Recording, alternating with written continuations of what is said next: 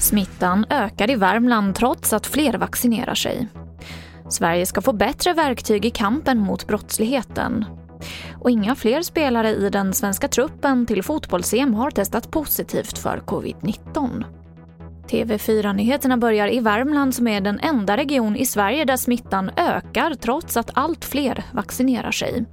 Det senaste dygnet har 114 nya fall bekräftats och det här är en ökning jämfört med dygnet innan när 42 nya fall rapporterades in.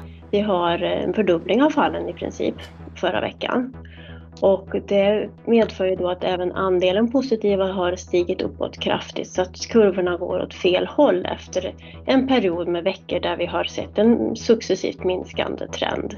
Och igår då så fick vi information om att vi har fler av deltavarianten än vad vi tidigare har, har vetat om. Och vi befarar att vi kan ha en, en samhällssmittspridning av deltavarianten i och med gårdagens besked. Det sa Anna Skogstam som är biträdande smittskyddsläkare. Sverige ska få bättre verktyg i kampen mot brottsligheten. Det här sa inrikesminister Mikael Damberg på en presskonferens idag. Och det regeringen nu föreslår det är en ny befogenhet för polisen att göra husrannsakan i förebyggande syfte att söka efter vapen och andra farliga föremål.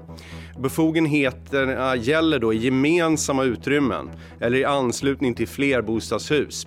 Det kan vara trappuppgångar, källargångar, tvättstugor och så vidare.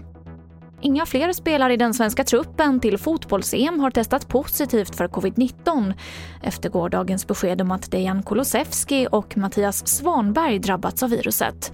Mittbacken Pontus Jansson isolerades idag eftersom han visat symptom men enligt landslagsledningen så har han nu testat negativt och man ser ingen större risk att fler spelare kommer att insjukna. Och snart kan det vara slut på buskörande på vattenskotrar.